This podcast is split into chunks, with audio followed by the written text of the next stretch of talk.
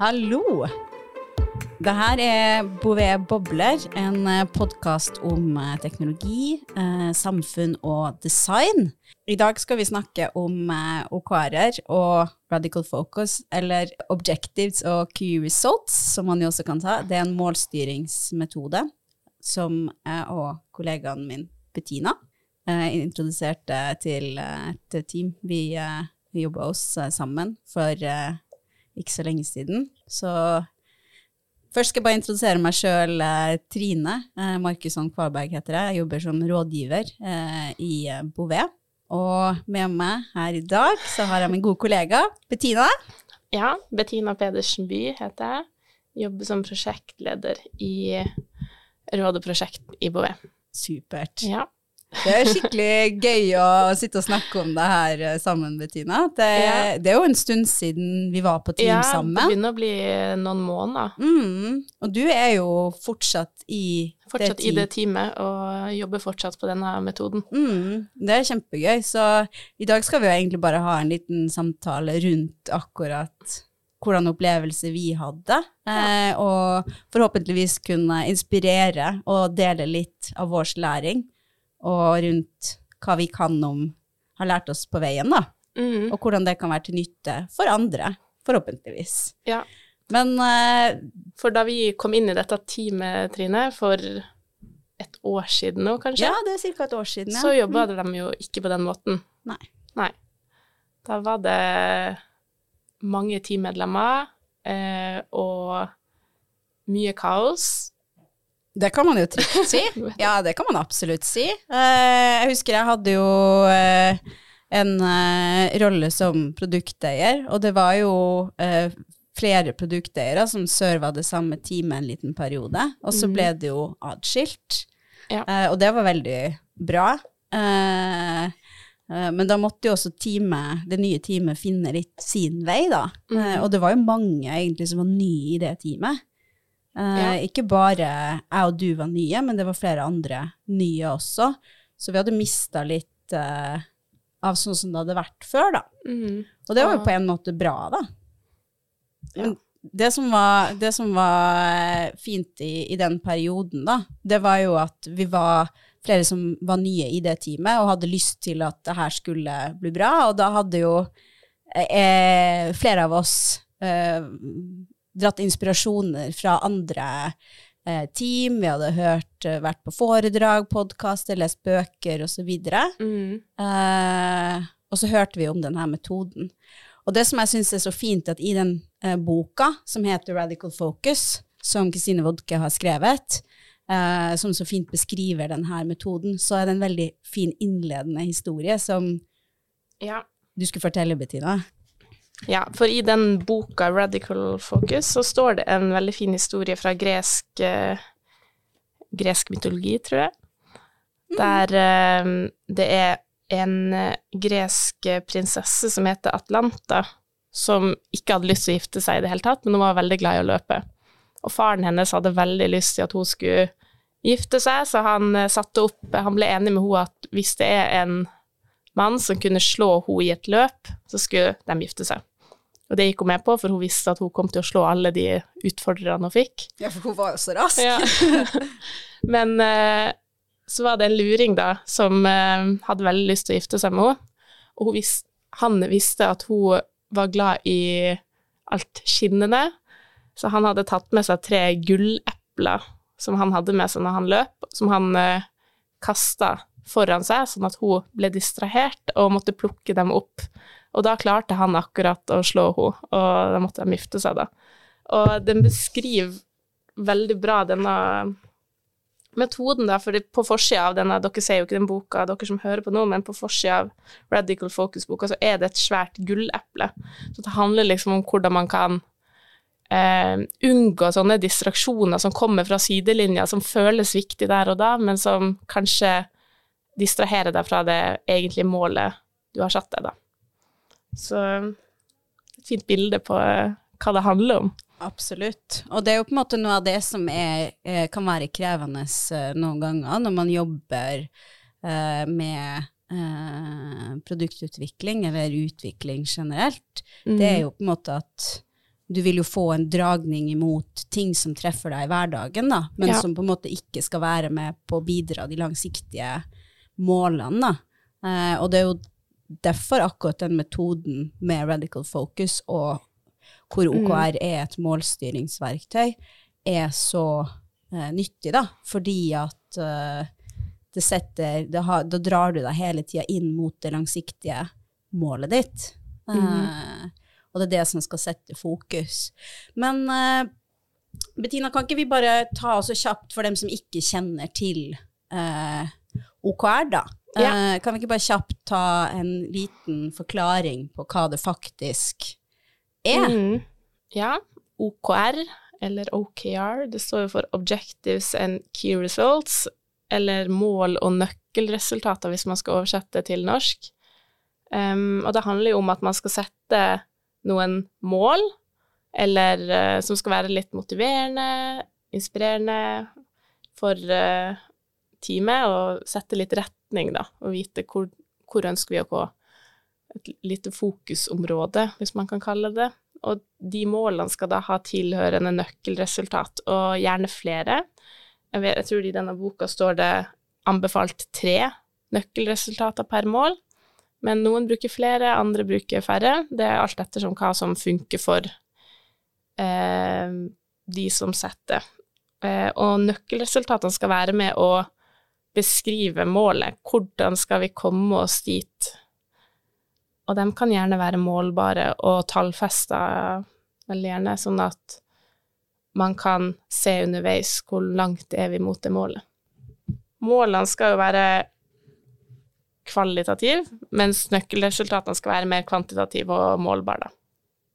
Så Ja. da appellerer du egentlig både til dem som vil ha noe som er inspirerende, som på en måte er det høyere vi skal oppnå, Ja. eh, og dem som er mer eh, ønsker det strukturert og analytisk og Litt- litt ja. grounded. Mm. eh, som at det er festa i noe, da, som du faktisk kan uh, måle at du oppnår, da. Om du, at du kommer deg dit.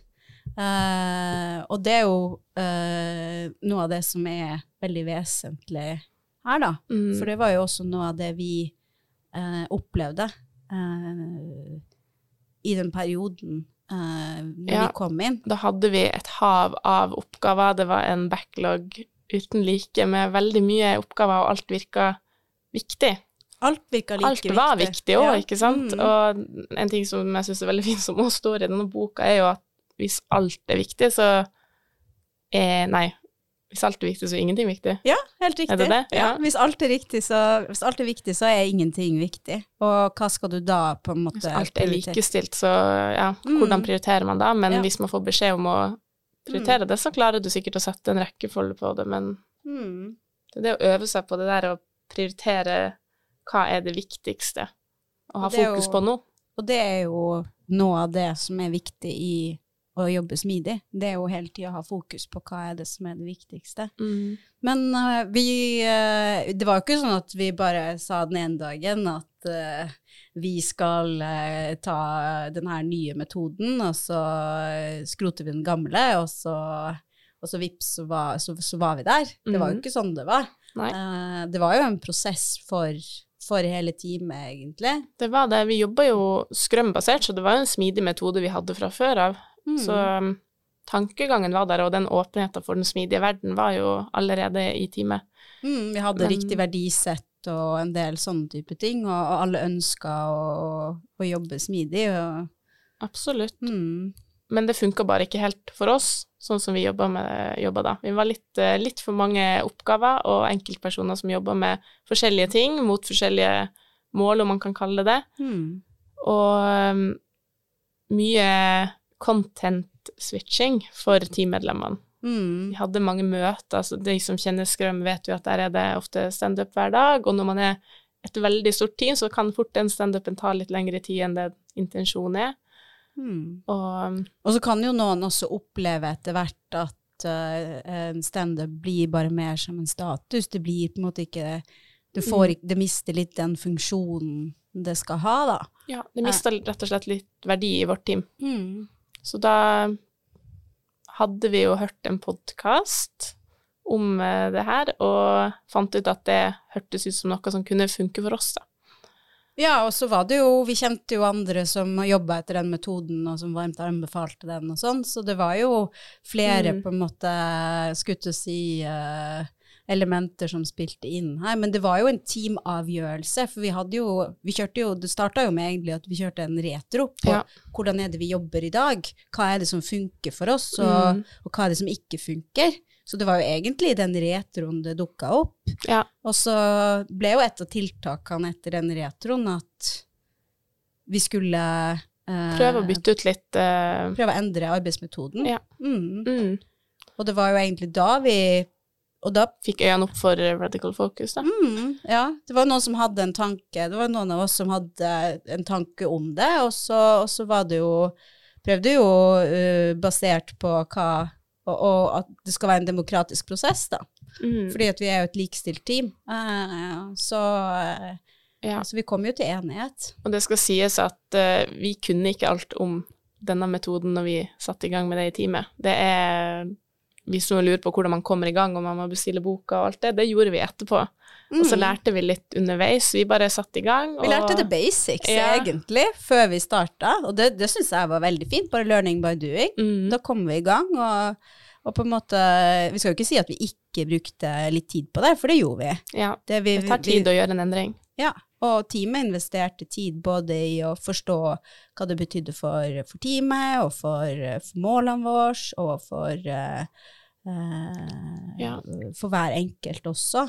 Uh, og så måtte vi jo gjennom en hel uh, Vi måtte kjøre noen workshoper for å komme fram til hva faktisk målene våre skulle være. Ja. på, på objectives og, og key results. Eh, Ja, det er sikkert noen som lurer litt sånn hva er egentlig Nå har vi snakket om målstyring og OKRs, men radical focus handler jo også litt om hvordan seremonier eller hvordan møter man har gjennom en uke, for vi snakka litt om standup, at det funka ikke helt for oss. Mm. Hvordan er det i denne metoden?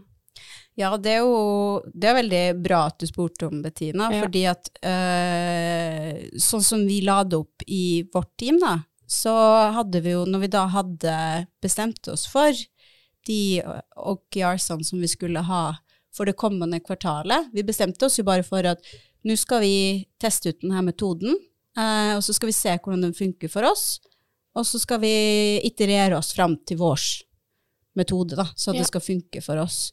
Eh, og det vil jeg anbefale alle andre også som kunne tenke seg å prøve denne metoden. Det er bare å komme i gang og starte å lære. Mhm. Eh, men eh, det vi gjorde, at vi satte av de uh, OKR-ene uh, i en workshop, og det var noen runder med teamet. uh, og så måtte det forankres uh, med, med ledelsen også.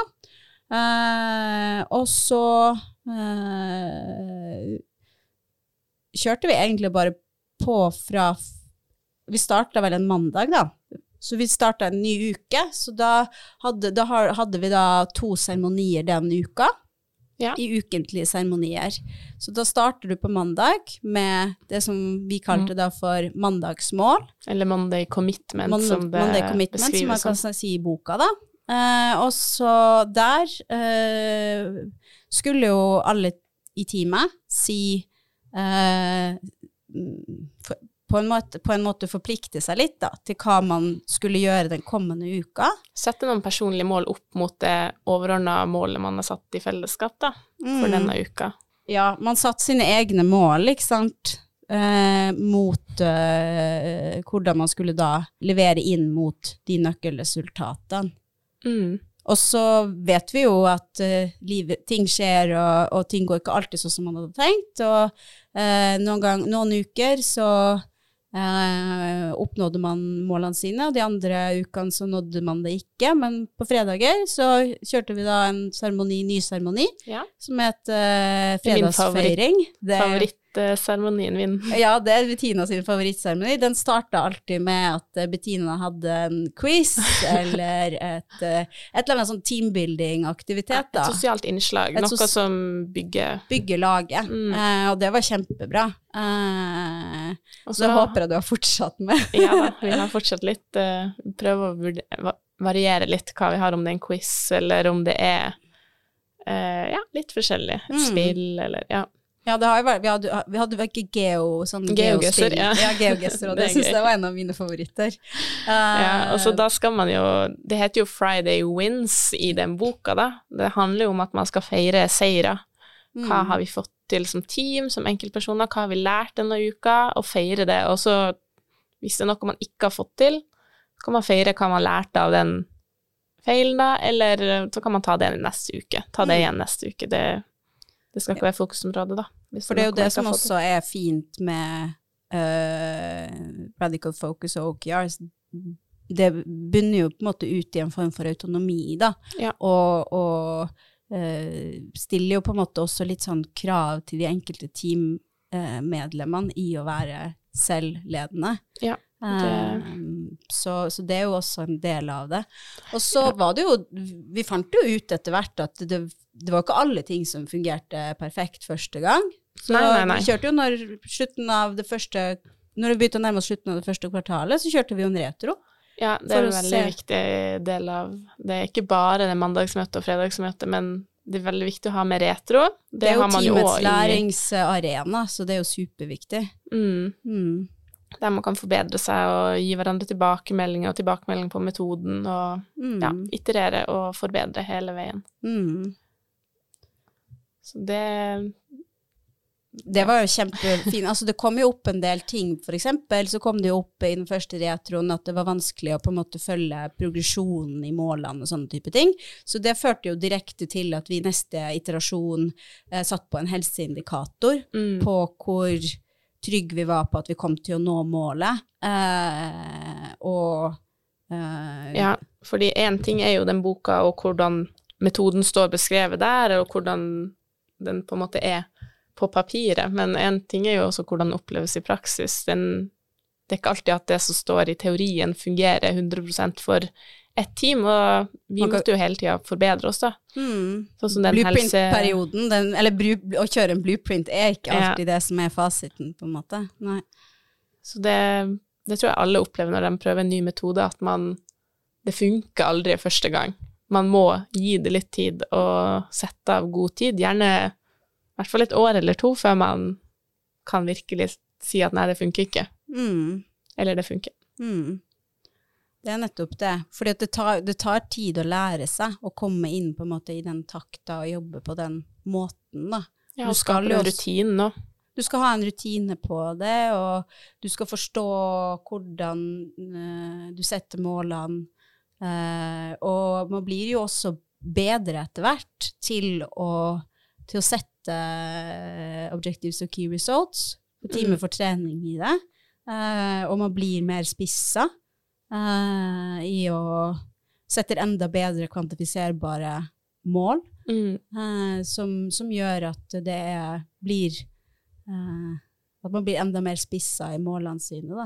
Ja. Så det, det er jo en morsom del av det, da. At eh, man hele tida forbedrer seg. For det er jo en metode Absolutt. for kontinuerlig forbedring. Ja, ja, Hvis man ikke skal ha et mål om å forbedre seg, så vil ikke da vil ikke OKRs fungere for en. Da Nei. kan man like så gjerne bruke KPI-er eller noe sånt, Ja. fordi at det, det er en metode for kontinuerlig forbedring.